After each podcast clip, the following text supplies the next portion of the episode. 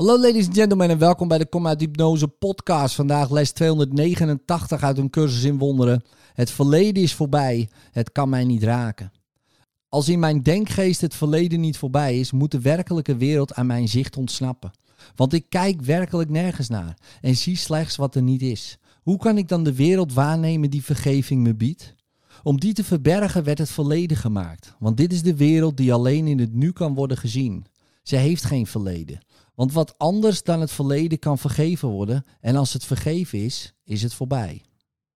Vader, laat me niet naar een verleden kijken dat er niet is, want u hebt me uw eigen vervanging aangeboden. In een wereld in het nu die door het verleden onaangetast en vrij van zonde is gelaten. Hier komt een eind aan schuld en hier word ik voorbereid op uw laatste stap. Moet ik dan van u verlangen dat u nog langer wacht voordat uw zoon de liefelijkheid vindt die u als het eind van al zijn dromen en al zijn pijn hebt beschikt?